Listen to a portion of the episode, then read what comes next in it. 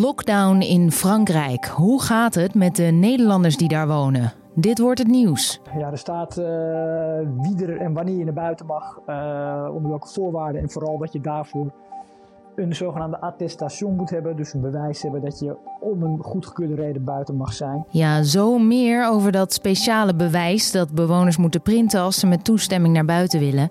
We praten met Nederlanders die in Frankrijk wonen over wat zij merken van de maatregelen die daar genomen zijn door de overheid. Eerst kort het belangrijkste nieuws van nu. Een hele goede morgen. Mijn naam is Esme Dirks en ik zorg er voortaan voor dat Carné en Julien af en toe een vrije dag hebben. Het is vandaag woensdag 18 maart.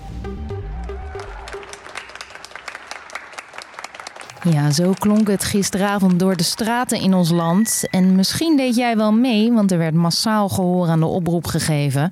Drie minuten lang werd geapplaudiseerd voor alle zorgmedewerkers die ondanks het coronavirus het land draaiende houden. En eh, even daarvoor presenteerde het kabinet het noodpakket voor bedrijven en ZZP'ers. Het gaat om een tijdelijke regeling voor in elk geval de komende drie maanden. En de belangrijkste punten zijn de volgende. Ondernemers die hun omzet bijna helemaal zien verdampen, krijgen 4000 euro als noodvoorziening. ZZP'ers krijgen een uitkering, zodat ze in ieder geval een inkomen van minimaal bijstandsniveau hebben. En het loon van werknemers die door corona thuis zitten, wordt doorbetaald. China heeft de persaccreditatie van de verslaggevers van drie grote Amerikaanse kranten ingetrokken. Dat besluit is onderdeel van een langerlopend conflict tussen de twee landen. Dat begon toen China in februari drie Amerikaanse correspondenten uitzette vanwege een opiniestuk in de Wall Street Journal. Daarin werd het land beschreven als de zieke man van Azië. En dat werd de krant niet in dank afgenomen. Nu mogen ook correspondenten van de New York Times en de Washington Post niet meer werken in China. Om hoeveel journalisten het precies gaat is niet bekend. Maar hoe dan ook zijn de hoofdredacteuren van de Amerikaanse kranten onthutst. Ze zien het als een gevaar voor eh, wereldwijde persvrijheid. Hoewel veel niet dringende zorg in ziekenhuizen door het coronavirus is uitgesteld, gaan chemo- en radiotherapie in de meeste gevallen wel door. Dit blijkt uit een rondgang van nu.nl. Nederlandse ziekenhuizen richten zich sinds een paar dagen vooral op spoedeisende zorg. Dit om het stijgende aantal coronapatiënten bij te kunnen benen. Zo worden niet noodzakelijke operaties uitgesteld om ruimte en personeel vrij te maken. En ook helpt dat tegen een tekort aan middelen, zoals mondkapjes. Voor de oncologische zorg is dus een uitzondering gemaakt. Kankerpatiënten hebben een lagere weerstand door de behandelingen die ze krijgen. En daardoor is een virusbesmetting levensgevaarlijk voor hen. En in de Amerikaanse stad Seattle is voor het eerst een mogelijk vaccin tegen het coronavirus getest op mensen. Vier vrijwilligers kregen het middel geïnjecteerd en dat is hoopvol, maar duurt maanden voordat duidelijk is of het vaccin veilig en effectief is. Door de maatregelen die kerken treffen rondom het coronavirus, luisteren en kijken veel kerkgangers vooral eh, vanuit de huiskamer naar de kerkdiensten. Een streamingsdienst van kerkomroepen zag het aantal bezoekers op de website afgelopen weekend bijna verdriedubbelen. Veel eh, kerkgangers maakten voorheen al gebruik van de streamingsdienst van kerken, maar normaal gaat het om zo'n 10%. En afgelopen weekend, toen veel kerken hun deuren begonnen te sluiten om de verspreiding van het COVID-19-virus tegen te gaan verdrievoudigde dat. En de verwachting is dat dat aantal alleen nog maar zal toenemen. Dan ons gesprek van deze dag. De Franse president Macron kondigde maandag aan dat Frankrijk op slot gaat. De zogeheten lockdown geldt voor in principe twee weken en is ingezet om de verspreiding van het coronavirus in te dammen. Collega Julien Dom belde met Nederlanders in Frankrijk, in het dorpje Melay om precies te zijn. Dat ligt in het noordoosten van het land en uh, telt zo'n 300 inwoners in totaal. Een van die inwoners is de Nederlandse Dick Goosen. Julien vroeg hem wat hij dacht toen hij hoorde over de lockdown. Uh, ja, weinig. Laat ik het zo zeggen. We zitten hier rustig op het platteland en uh, lockdown is al redelijk normaal. Dus in dat opzicht, uh, ik werd alleen gewekt door een sms'je vanochtend om een beetje bizarre tijd. Ik denk zo rond half vier van de overheid. Uh, die inderdaad zei dat we op lockdown gingen en dat er meer informatie zou staan op een bepaalde website. En wat voor uh, informatie staat daar dan op die website? Heb je gekeken? Ja, er staat uh, wie er en wanneer je naar buiten mag, onder welke voorwaarden en vooral dat je daarvoor een zogenaamde attestation moet hebben. Dus een bewijs hebben dat je om een goedgekeurde reden buiten mag zijn. En dat is dus, ja, je hond uitlaten geloof ik. winkelen natuurlijk. Of als je iets medisch nodig hebt, dan mag je ook. Maar dan moet je dus een formuliertje, dat heb ik inmiddels ook. En het grappige is dat hij dus nog niet op de website stond. Op de website stond letterlijk van uh, je kunt hem hier downloaden, maar dat was er dus niet. Okay. En toen kwam ik een Nederlander hier in het dorp tegen en die had hem al via een of andere Nederlandse website, dus Nederlands onderling in Frankrijk, hadden hem al. En die hadden hem zelfs zo nodig eerder dan dus de, de Franse bij van spreken. Dat was wel echt goed humor, dus uh, dat is een leuk, leuk uh, geval. Hey Dick, je hebt ook kinderen. Klopt, wat, is er, wat is daar de situatie van in Frankrijk? Kunnen zij nog buiten spelen of mag dat ook niet meer? Officieel ook niet meer, nee. Officieel, nou, officieel mag het niet meer. Dat is een goede vraag. Uh, kinderen zijn wel, wel belangrijk in Frankrijk sowieso. Ja, voor wie niet eigenlijk. En uh, ik weet er niet het fijne van. Ik weet wel dat mijn dochter hier bij mijn buren, Engelse buren, en daar speelt ze gewoon mee. En uh, ja, die dorpen zelf, het is, het is heel rustig. Dus controle is er niet of nauwelijks. ik ben mijn Fransen tegengekomen. Ik ben van net een rondje gelopen. En ik ben zelfs heel veel Fransen tegengekomen. En ik vraag ze allemaal of ze zo'n bewijs bij zich hebben. En dat blijkt gewoon niet het geval te zijn. Sommigen kijken me heel vreemd aan van, van bewijzen. Oh ja, ik heb een bewijs nodig. Nou, hier, laat me zitten. En ja, kijk, het is natuurlijk ook zo dat je weinig mensen tegenkomt. Dus je kan hier een rondje maken. En je blijft sowieso op je 20 meter afstand staan, bij wijze van spreken, die je moet, die je moet houden. Is het leven erg veranderd daar in het dorp bij jullie? Merk je er veel van? Nou, wat ik vooral merk is dat mensen wel uh, voorzichtiger zijn. In zoverre, uh, ik heb goede vrienden van mij in het dorp. Eén uh, vriend van mij, dat is, daar verhuur ik ook een huis mee hier zo. Nou, die kwam ik tegen in het bos, want ik was weer mijn buurman aan het helpen aan het houthakken gisteren. En normaal gesproken is het altijd handjes geven. Maar hij heeft een zoon die heeft een volgens mij iets, die heeft een goed iets in zijn hoofd, een tumor in zijn hoofd. En ja, hij knijpt hem wel. Dus je merkt gewoon dat hij daadwerkelijk echt afstand van je houdt. Terwijl hij normaal eigenlijk heel amicaal is. je merkt, en dat merk je ook bij meerdere mensen, je merkt wel die afstand wordt zeker wel gehouden. En dus het is wel, het is niet...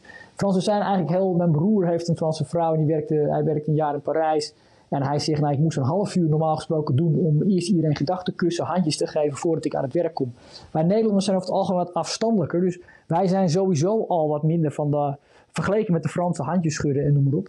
Ik heb, dus dat is wel een verschil. En, uh, Sowieso, als we even naar die uh, vergelijking kijken tussen de Nederlanders en de Fransen. Jij hebt in Nederland ook een huis. Zit jij nou liever in Frankrijk, waar je nu zit? Of zou je zeggen van, ja, eigenlijk als ik dit had geweten, dan was ik liever in Nederland geweest op dit moment? Nee, nee ik zit 100% zeker in, in, in Frankrijk. Ja, ja, maar sowieso natuurlijk, Frankrijk is al, vooral, is al een liefde van mij. Dus dat is, en ik werk ook in Frankrijk. Dus, maar de rust die hier hebt... Uh, de supermarkten, daar wordt ook wel uh, gehamsterd. Maar ik, ik vond in Nederland al, ik vond het al schrikbarend op vrijdag. En, ja, dat, en dat, toen dacht ik van, hmm, dit, ik zit liever op het Franse platteland. Ook omdat het wat, daar weet niet, de boer heeft nog eitjes. Ik zeg, want als er echt iets zou gaan gebeuren met voorraden, is het hier wat onwaarschijnlijker dan, dan in Nederland. Dat denk ik. Maar aan de andere kant is het ook zo dat ze ook wel kunnen zeggen, want de Fransen ook wel zo, nou laat die plattelanders maar die moeten zichzelf redden, laten we eerst Parijs doen. Want ze zijn wel gefocust op Parijs over het algemeen. het platteland wordt wel behoorlijk aan zijn aan aan aan lot overgelaten soms. Dat vind ik, maar dat is een, een visie, omdat er ook vooral bijvoorbeeld Nederlanders hier huizen kopen. En de Fransen zie je dat op zich niet. Dus als hier geen Nederlanders waren geweest, dan was het dorp behoorlijk verlaten geweest. Nou, het is sowieso een dorp met heel veel buitenlandse inwoners, zei je al in een voorgesprekje tegen mij. Uh, Bij je buren en dergelijke, hoe is het gevoel daar een beetje? Zijn zij op hun gemak gesteld?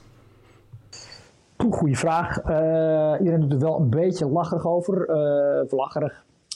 Ja, het is toch zoiets van, ja, dorpen moeten we hier nou, hoe moeten we hier nou een lockdown hebben? We hebben al een lockdown, we doen nooit wat. Veel mensen, kijk mijn buren, hier tegenover Franse buren, die komen niet verder dan Rijms, bij wijze van spreken. Dus dat is een verste, dat is 200 kilometer. En uh, bij Nederland zijn nog een reislustig volkje. En zij hier niet zo. Dus op zich, dat op zich verandert hun... Ja, één keer in de week in de supermarkt. Dus, uh, dat, dus uh, that's it. En voor de rest is dat op zich wel, dat verandert niet zoveel. Ik denk wel, er zijn wel mensen die zich wel ongerust maken. Maar omdat ze het nog, ook nog nooit eerder hebben meegemaakt. Dus in deze vorm. Uh, maar ik weet niet, ja, of je, uh, het is niet een super, uh, super, ze maken zich niet super, super ongerust, zeg maar. Dus nee, dus dat is niet het geval. Dan van Dick door naar de lokale ondernemers Roeland en Milou. Dit Nederlandse stel heeft een bed and breakfast in datzelfde dorpje, Melee. De twee eh, hebben hun werkzaamheden inmiddels omgegooid, zoals veel andere horecaondernemers in uh, ons land ook doen. Ze doen nu aan bezorging. Ja, dat klopt. Uh, ja, dat is hier iets minder eenvoudig dan in Nederland. Want het is hier natuurlijk veel uitgestrekter. En wij zitten midden op het platteland. Maar we zijn inderdaad vanochtend, toen mochten we nog de straat op, huis aan huis, hebben we gepleierd. En inderdaad uh, bieden we tegen kostprijs uh, een paar simpele en niet al te, te gerechten aan. voor de mensen hier die het huis niet meer uit kunnen of durven. Want ja, de bevolking hier is wel wat ouder. Dus het is natuurlijk best een, een hoge risicogroep. Dus we hopen zo ook een beetje ons steentje bij te kunnen dragen. Ja.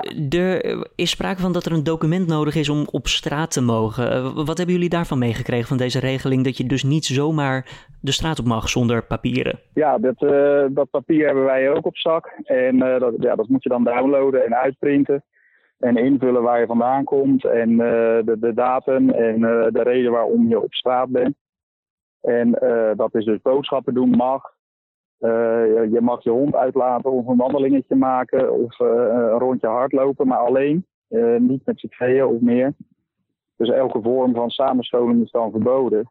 En woon-werkverkeer mag. Dus wij hebben nog gebeld vanochtend met de lokale autoriteiten. En bezorgen valt ja, onder dat woon-werkverkeer. Dus dat mogen we wel doen. Dat hebben we van tevoren gecheckt. Maar je moet inderdaad zo'n document bij hebben. Ja, inderdaad. Dat klopt. Je, je zei het al even, je, je, woont op het platteland in Frankrijk, in het uh, Noordoosten, om het zo even te noemen. Um, hoe is de controle daar dan? Want uh, daar, ja, een regel is één ding, maar de controle is natuurlijk het tweede. Ja, ja de, de, Macron, de president, heeft aangekondigd dat er heel veel meer agenten de straat op gaan mijn vermoeden is dat dat voor, voornamelijk in de steden zo zal zijn. Wat ik net al aangaf, we zitten hier enorm uitgestrekt. Heel veel dorpjes over een uh, enorm aantal vierkante meters, uh, kilometers verdeeld. Dus ja, ik, ik heb nog geen politie gezien. Uh, en, en, de sociale controle die zal er ook wel zijn, zeker in dorpen. En misschien ook wel gewoon het eventjes letten op elkaar en het goed met elkaar voor hebben. Ja, ja zeker. Dat is er zeker. Ik zag wel net, geloof ik, de burgemeester twee jongens van de straat plukken die met elkaar aan het een spelletje aan doen waren. Dus die let wel een beetje extra op.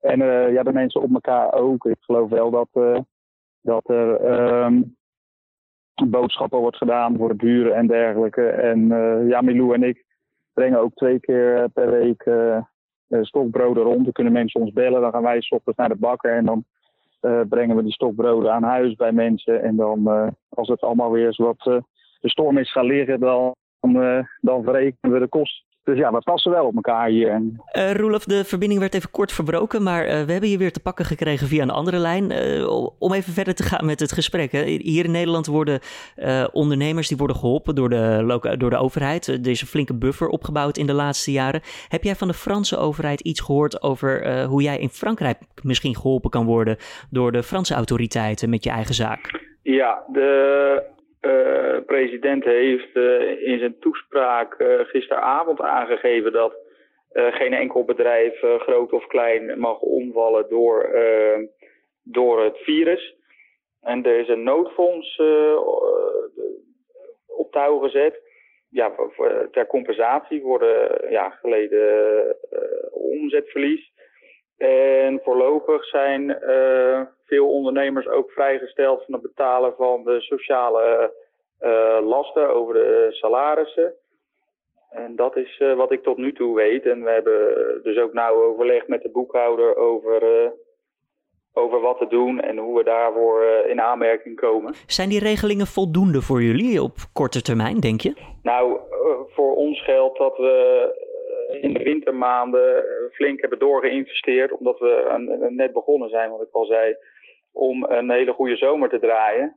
Dus uh, ja, uh, mijn ervaring in Frankrijk is dat het niet allemaal altijd even snel gaat.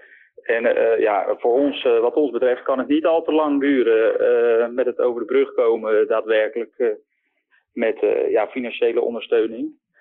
Tenzij het weer gaat lopen met, met de bezorging. Maar ja, dat, dat is nog maar te bezien. Zeg Roeland, dan wil ik je voor nu hartstikke bedanken. Heel veel succes, heel veel sterkte daar natuurlijk in het dorp Melay in het uh, noordoosten van Frankrijk.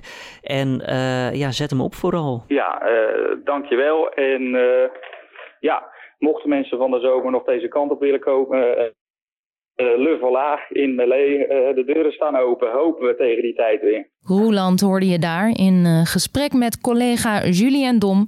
Samen met zijn vrouw heeft hij dus een bed and breakfast in het Franse Melee. En als jij toevallig een reisje naar Frankrijk had geboekt, weet dan wel dat het ministerie van Buitenlandse Zaken daar niet per se achter staat. Het advies is om alleen nog maar naar het buitenland te reizen als dat strikt noodzakelijk is. Dat geldt voor zeker 30 dagen. Volgens het ministerie is het eh, niet vanwege mogelijke gevaren voor de gezondheid, maar omdat buitenlandse zaken en reisorganisaties hun handen al vol hebben aan het terughalen van reizigers die momenteel nog in het buitenland zijn. En wat brengt deze dag verder? De aanslag in en bij de tram in Utrecht gebeurde precies een jaar geleden. En daar wordt vandaag, ondanks de coronamaatregelen, toch bij stilgestaan.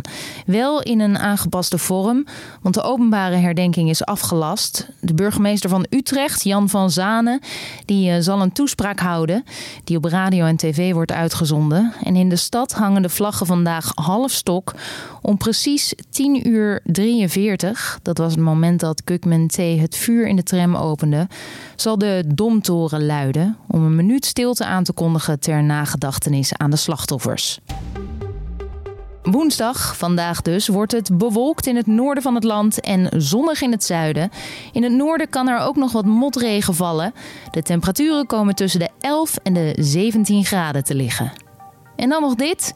In uh, Frankrijk mag je dus alleen nog de straat op als je in het bezit bent van speciale papieren. Nou, in Groot-Brittannië zijn uh, scholen, cafés en restaurants gewoon nog open. En in Nederland wordt dan weer gesproken van een lockdown light. Elk land in Europa stelt zijn eigen maatregelenpakket samen in de, de strijd tegen het coronavirus. Maar misschien vraag je je af waarom ze dat niet samen doen. Nou, daarover vind je een uitgebreid artikel op nu.nl.